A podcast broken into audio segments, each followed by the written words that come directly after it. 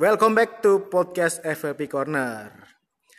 Tempat nongkrong ya, FLP Corner itu tempat nongkrong sekarang. Tempat nongkrong digital para FLP, para pendengar-pendengar yang suka dengerin orang oceh dan di sana bisa dapat brainstorming hal-hal yang menarik. Dan bersama lagi di sini ada Om Kristi dan ada siapa di sana? Om Kiki. Om Kiki.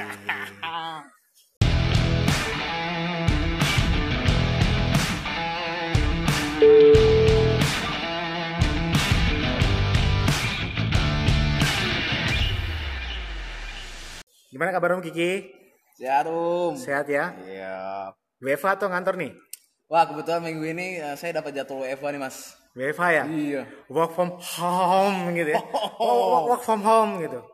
Ngenes ya banyak work, work from home ini. Menes banget. Iya. Banyak yang harus kita siapin. Aduh pusing. Emang apa aja yang disiapin? Ya kayak kita harus stok makanan. Terus kita harus olahraga bangun pagi. Biasanya kalau kita kantor langsung bangun, mandi, langsung cabut kantor mas. Jadi dengan kebiasaan baru ini jadi nggak suka gitu? Enakan kantor gitu ya? Iya sih. Enakan ngantor ketemu teman-teman, ngobrol asik bareng. Oh iya. Jadi memang eh, Om Kiki atau Mas Kiki ini adalah salah satu karyawan juga di Mendir CDN Kepri di Honda ya. Beliau juga saat ini lagi work from home katanya. Karena dia masih lajang ya Pak ya. Gak enak tuh. Jangan gitu kan. kenceng-kenceng mas, jangan kenceng-kenceng. Masih lajang gitu kan. Jadi bangun ya sendiri. Cuma jam waker pasangan hidupnya gitu kan. Ada sih pacarnya tapi kan jauh. nggak bisa dipeluk gitu ya. Nggak boleh juga kan physical distancing Pak. Iya, pacar bayangan maksudnya. Ngomong-ngomong work from home nih Pak, pasti juga teman-teman FLP di sini nggak semuanya work from home. Pasti ada juga yang masih tetap di kantor. Apalagi vulnerable people di sini sales counter misalkan, delivery man misalkan. Beberapa pasti akan yang ada di rumah dan juga ada yang kerja di showroom gitu kan. Benar benar. Kayaknya kayak gini ya rasanya tuh di penjara kali ya, di karantina gitu. Mau keluar susah, ya kan? Kemudian ngundang orang datang juga nggak terlalu percaya gitu. Memang memang zaman serba susah gitu kan. Apalagi bentar lagi katanya udah mulai PSBB ya Pak ya. Benar. Nah ini apalagi kalau udah PSBB ini diterapkan, amsyong saya mas, amsyong sendirilah di kos itu. Iya, nanti udah tutup semua ya. McD tutup gimana nanti kan? KFC tutup gitu ya. Terus kita mau goreng ayam sendiri gitu. Nggak enak mas. Saya pernah nyoba itu kan. KFC itu goreng sendiri. Rasanya jadi kayak kayak apa ya? Kayak tempe goreng ini. Tempe goreng tepung. Tempe goreng tepung biasa gitu. rasa ayamnya tertutupi oleh rasa tempe. Oke. By the way, banyak sekali tantangan yang akan kita hadapi ketika kita itu work from home. Salah satunya adalah kemalasan. Bener nggak nih? Benar mas, itu Ya? saya akui sih. Benar. Akui kan? Benar. Apalagi ongkang-ongkang ya, lihat kasur, wow. Kasur itu sangat menggoda sih. Iya. Daya tariknya sangat kuat. Benar. Banyak sekali tantangan yang akan kita hadapi. Yang kedua adalah bosan. Biasanya di kantor, ya kan, sebelahnya ada teman, ya kan, eh bro bro, langsung merubungin gitu kan, entah gosipin apa, entah ngomongin apa, entah ngomongin kerjaan atau apa. Tapi di rumah sendiri, ya. Kalau yang berkeluarga sama anaknya, gitu kan, lebih lebih ada ada ininya gitu, lebih ada suasana yang nyaman gitu. Tapi ini yang tantangan adalah ketika kita sendiri di rumah terkarantina dan kita nggak mau ngapain. Sampai nih, ya.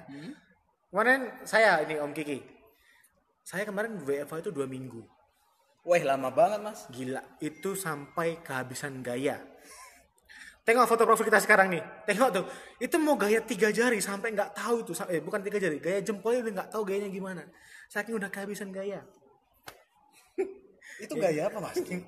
Gaya tepongkeng pak. Biasa aja lah. Gak usah dipaksa ketawanya pak. Gak ada yang maksa mas. Gak ada yang maksa ya. Iya benar. Lucu juga enggak. Paksanya banget ketawa gitu. Oke. Kita akui work from home itu pasti akan mati gaya kebanyakan. Apalagi di sini FLP itu kebanyakan adalah anak-anak milenial. Saya pun juga masih milenial kok, belum kolonial gitu ya, masih milenial. Kemudian udah kehabisan gaya. Tapi satu yang perlu kita cermati. Sesuai judul hari ini ya.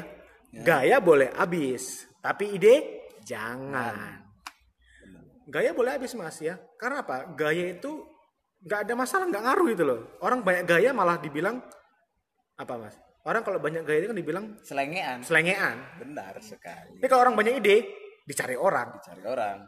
bukan dicari Kita orang. duduk di rumah aja banyak tuh pasti nelpon. Iya, cari orang. Karena apa? Banyak ide gitu. Nah, kaitan dengan ide ini, saya mau bahas sedikit tentang seorang penulis yang sudah almarhum. Beliau bernama Stephen R. Covey. Beberapa mungkin tahu siapa Stephen R. Covey, mendiang ini. Dia menerbitkan satu buku yang sangat fenomenal berjudul Seven Habits of Highly Effectiveness People. Wih, maaf yang belepotan nih bahasa Inggrisnya ya. Artinya adalah bagaimana tujuh kebiasaan yang efektif yang bisa diterapkan oleh para manusia. Gitu, Seven Habits. Di sana ada tujuh poin yang teman bisa buka sendiri gitu kan. Ada banyak sekali poin-poin penting. Tapi sini kita akan coba bahas satu yang paling eh, jadi dasar Mas. Om Rizky, Om Kiki ya. Yaitu adalah habit yang pertama. Masih ingat Mas Ki? Eh, coba. Apa ya? Sebentar, sebentar. Saya berpikir lagi. Ini karena buku ini buku sangat lama ya. Jauh dari... Dulu Bapak ikut training saya loh ya. Jangan malu-maluin saya lah Pak. Wah, Eh, Mas Kiki loh, aduh. siap. Iya. Be proaktif. Be proactive. Yes. Yes. Baru ingat saya. Jadi mendiang Stephen Covey dia menuliskan adalah habit yang pertama yang perlu dimiliki dimiliki oleh orang atau setiap manusia adalah satu be proactive. Dalam bahasa Indonesia apa artinya? Harus kreatif. Menja harus kreatif. Aduh, malu saya. Aduh, Bapak ini loh ya. Be proactive. Menjadi proaktif. Apa itu proaktif? Bapak nggak usah malu pak, ya nggak apa-apa, saya paham gitu ya bapak ya. Menjadi proaktif, artinya adalah proaktif itu lawan kata dari reaktif. Hmm. Ya semua tahu lah ya. Iya. Oke. Namanya ada pro mas. Iya, benar. Mungkin teman-teman kalau mendefinisikan mungkin banyak arti dari proaktif. Tapi saya ceritakan dulu satu kisah tentang video yang ada di Thailand. Beberapa juga pasti sudah pernah melihatnya ya. Jadi ada seorang anak kecil, dia adalah anaknya dari tukang rujak, Penjual buah berarti. penjual buah di Thailand. Oke. Mereka adalah keluarga yang ter- tergolong keluarga miskin. Si anak kecil ini suatu suatu saat dia lagi melihat ada segelombang anak kecil yang beli es krim, ya. Tapi karena dia adalah orang miskin, nggak mampu beli es krim. Dan mamanya ngelihat bagaimana raut wajah si anak kecil ini, mak aku pengen gitu kan, tapi nggak punya duit. Tahu perasaannya kayak gitu ya? Tahu tahu tahu. pengen tapi nggak punya duit. Mamanya kan jelas gini kan, merasa ya, ya ampun anakku mau beli es krim aja sampai nggak punya duit. Oke, akhirnya mamanya punya ide. Buah yang dia jual dia potong dan buah itu adalah buah nanas. Dia potong kotak-kotak gitu agak panjang. Kemudian dia tusuk pakai tusuk apa namanya es krim, ya kan? Terus dia masukin dalam es batu, dimasukin semalaman. Pagi harinya mamanya ngajak si anak itu nih lihat. Woi jadilah es krim nanas. Ya dengan rasa dengan rasa ananas asli. Anaknya bilang hmm enak banget nih mah. Langsung kepikiran bagaimana kalau kita jual? Hmm? Mamanya langsung bilang hmm gitu ya. Ekspresinya kayak gitulah. Bay- bayangkan sendiri lah ekspresi hmm gitu Dengan raut wajah yang sangat. Iya pokoknya teman-teman mau ekspresikan sendiri lah pokoknya gitu ya. Jadi hmm gitu kan. Ide bagus tuh nak. Ide cemerlang gitu kan. Oke. Habis itu akhirnya mamanya bikin es krim nanas. Besoknya si anak kecil bawa es krim nanas itu ke pasar. Dia berjualan. Es krim nanas es krim nanas. Satu lima bat satu lima bat. Seharian dia jualan. Laku berapa? Nol nggak laku sampai nanasnya jadi nanas lagi sampai jadi jus nanas mas. Jus nanas. iya benar gitu jadi jus nanas gitu kan. Sampai sampai lembek gitu. Pada akhirnya dia pulang ke rumah. Mak nggak laku nanasku mak hmm oke. Coba besok kamu ke pasar lagi dan cari tahu apa yang orang-orang di pasar itu lakukan. Anaknya nurut dong. Oh ya oke mak dia ke pasar bis itu kan jalan-jalan ke pasar. Dia nengok ada orang tukang sayur dia bilang kan sayur satu ikat lima ribu tiga ikat sepuluh ribu gitu kan. Terus ini reversiasinya mas ya. Daging babi satu lima ribu satu lima bat tiga sepuluh bat gitu. Kayak gitu. Oh, akhirnya anak tuh berpikir oh gitu cara jualan ya. Mereka harus promosikan. Akhirnya anak itu pulang dia dengan semangatnya dia gambar sendiri poster pakai krayon gitu kan. Terus ditempel poster itu. Beli satu es krim 5 bat kalau tiga 10 bat. Ditempel di keranjang sepeda kecilnya dia. Oke?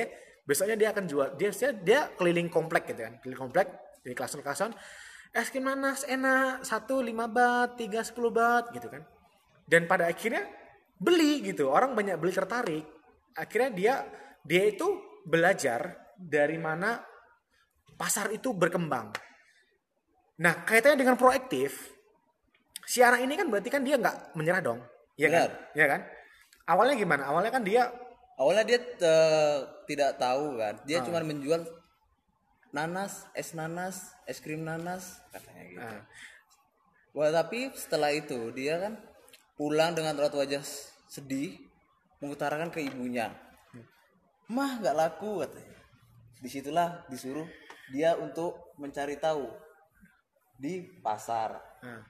kemauan konsumen itu seperti apa. Uh, jadi intinya tuh di sini video itu mengajarkan pada kita nggak boleh reaktif. Boleh sih mungkin kadang beberapa, tapi saat ini proaktif menjadi lebih penting dibandingkan reaktif.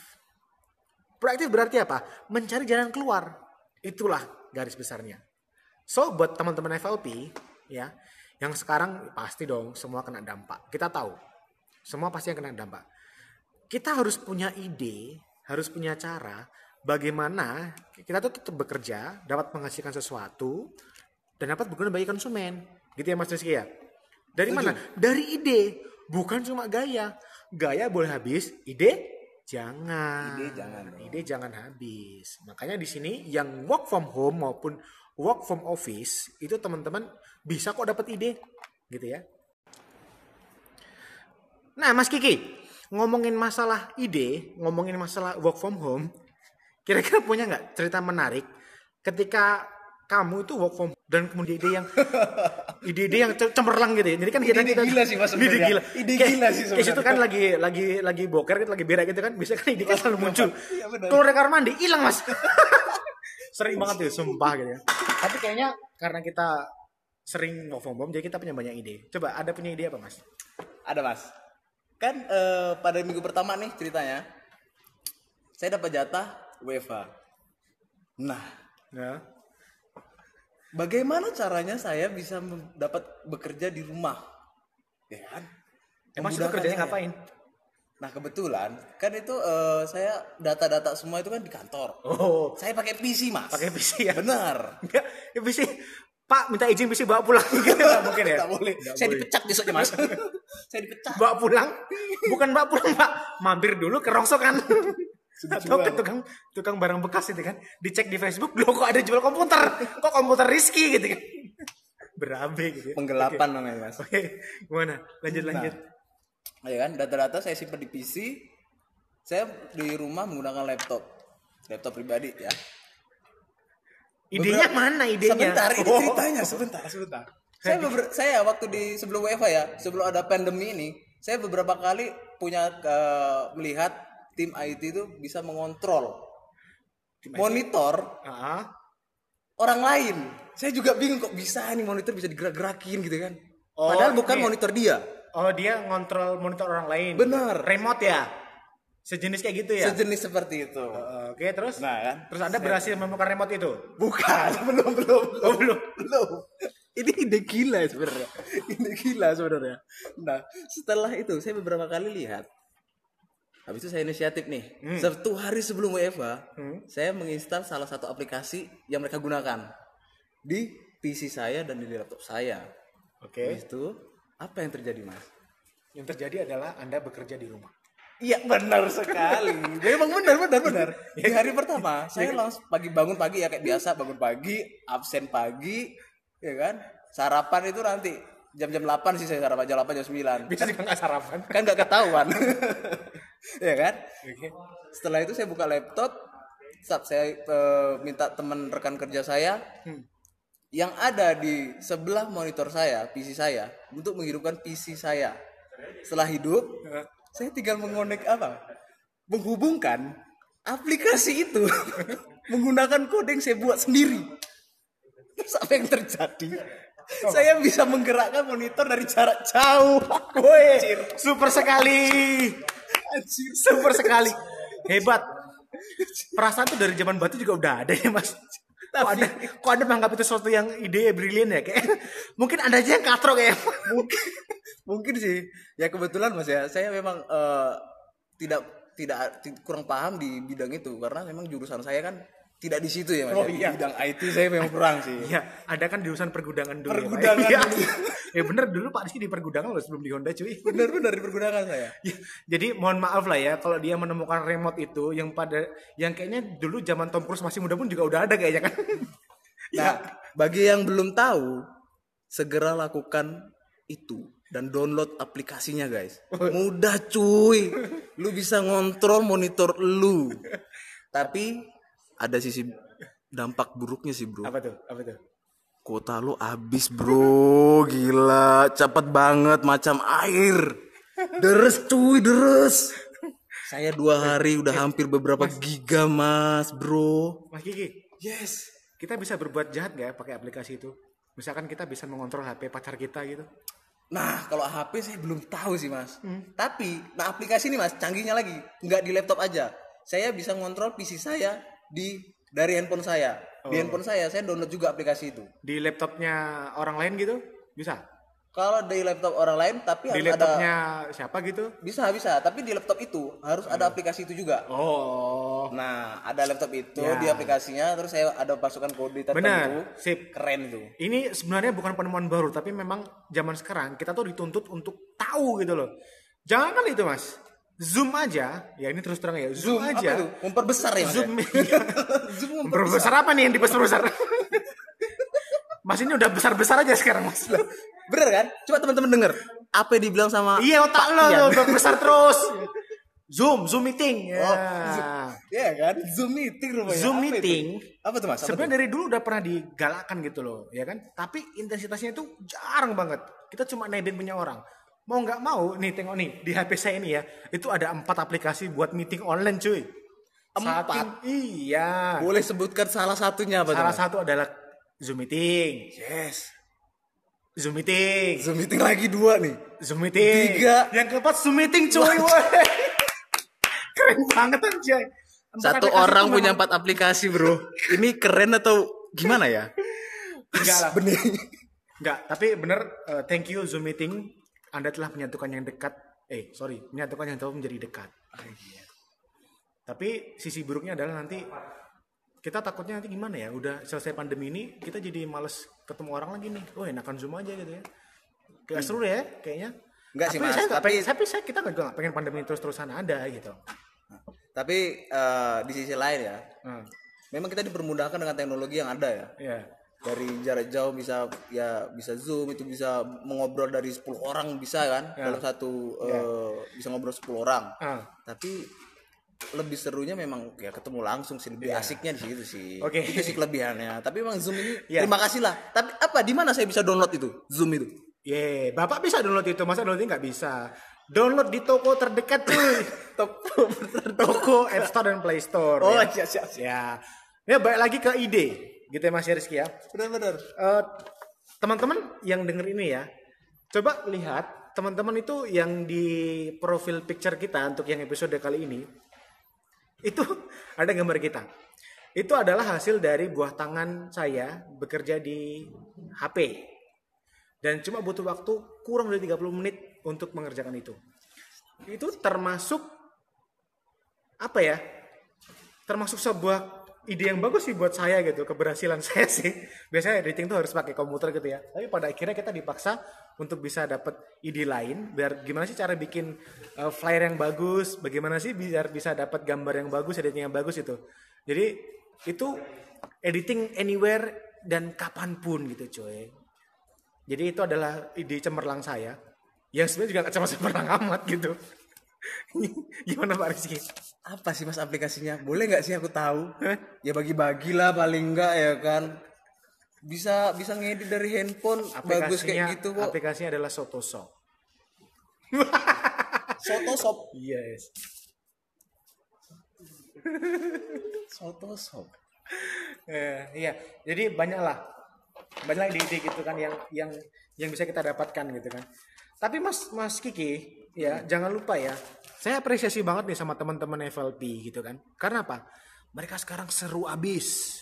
Bikin TikTok cuy. Dan sekarang TikToknya itu saya rasa eh, membaik ya. Maksudnya sudah dalam tahap-tahap norma tertentu yang tidak hanya ingin viral tapi memang niatnya adalah untuk membuat sensasi. Oh enggak. Itu sama aja. Sama aja mas. Bukan. sama aja sama aja. Bukan bukan. Tolong tolong. Itu sama aja mas. Sama kontennya aja. adalah bagus. Kontennya bagus mereka TikTok ini kan udah digandrungi ya. Dan terima kasih buat teman-teman TikTokers karena teman-teman main TikTok itu akhirnya TikTok menyumbangkan 100 miliar untuk COVID-19 ini. Mantep banget TikTok terima kasih TikTok. Dan terima kasih buat para Ya, pemainnya. gitu. Ya jadi tuh ya kayak di rumah tuh main TikTok juga lebih seru gitu kan. Atau di kantor juga makin seru main TikTok. Yang penting gini teman-teman.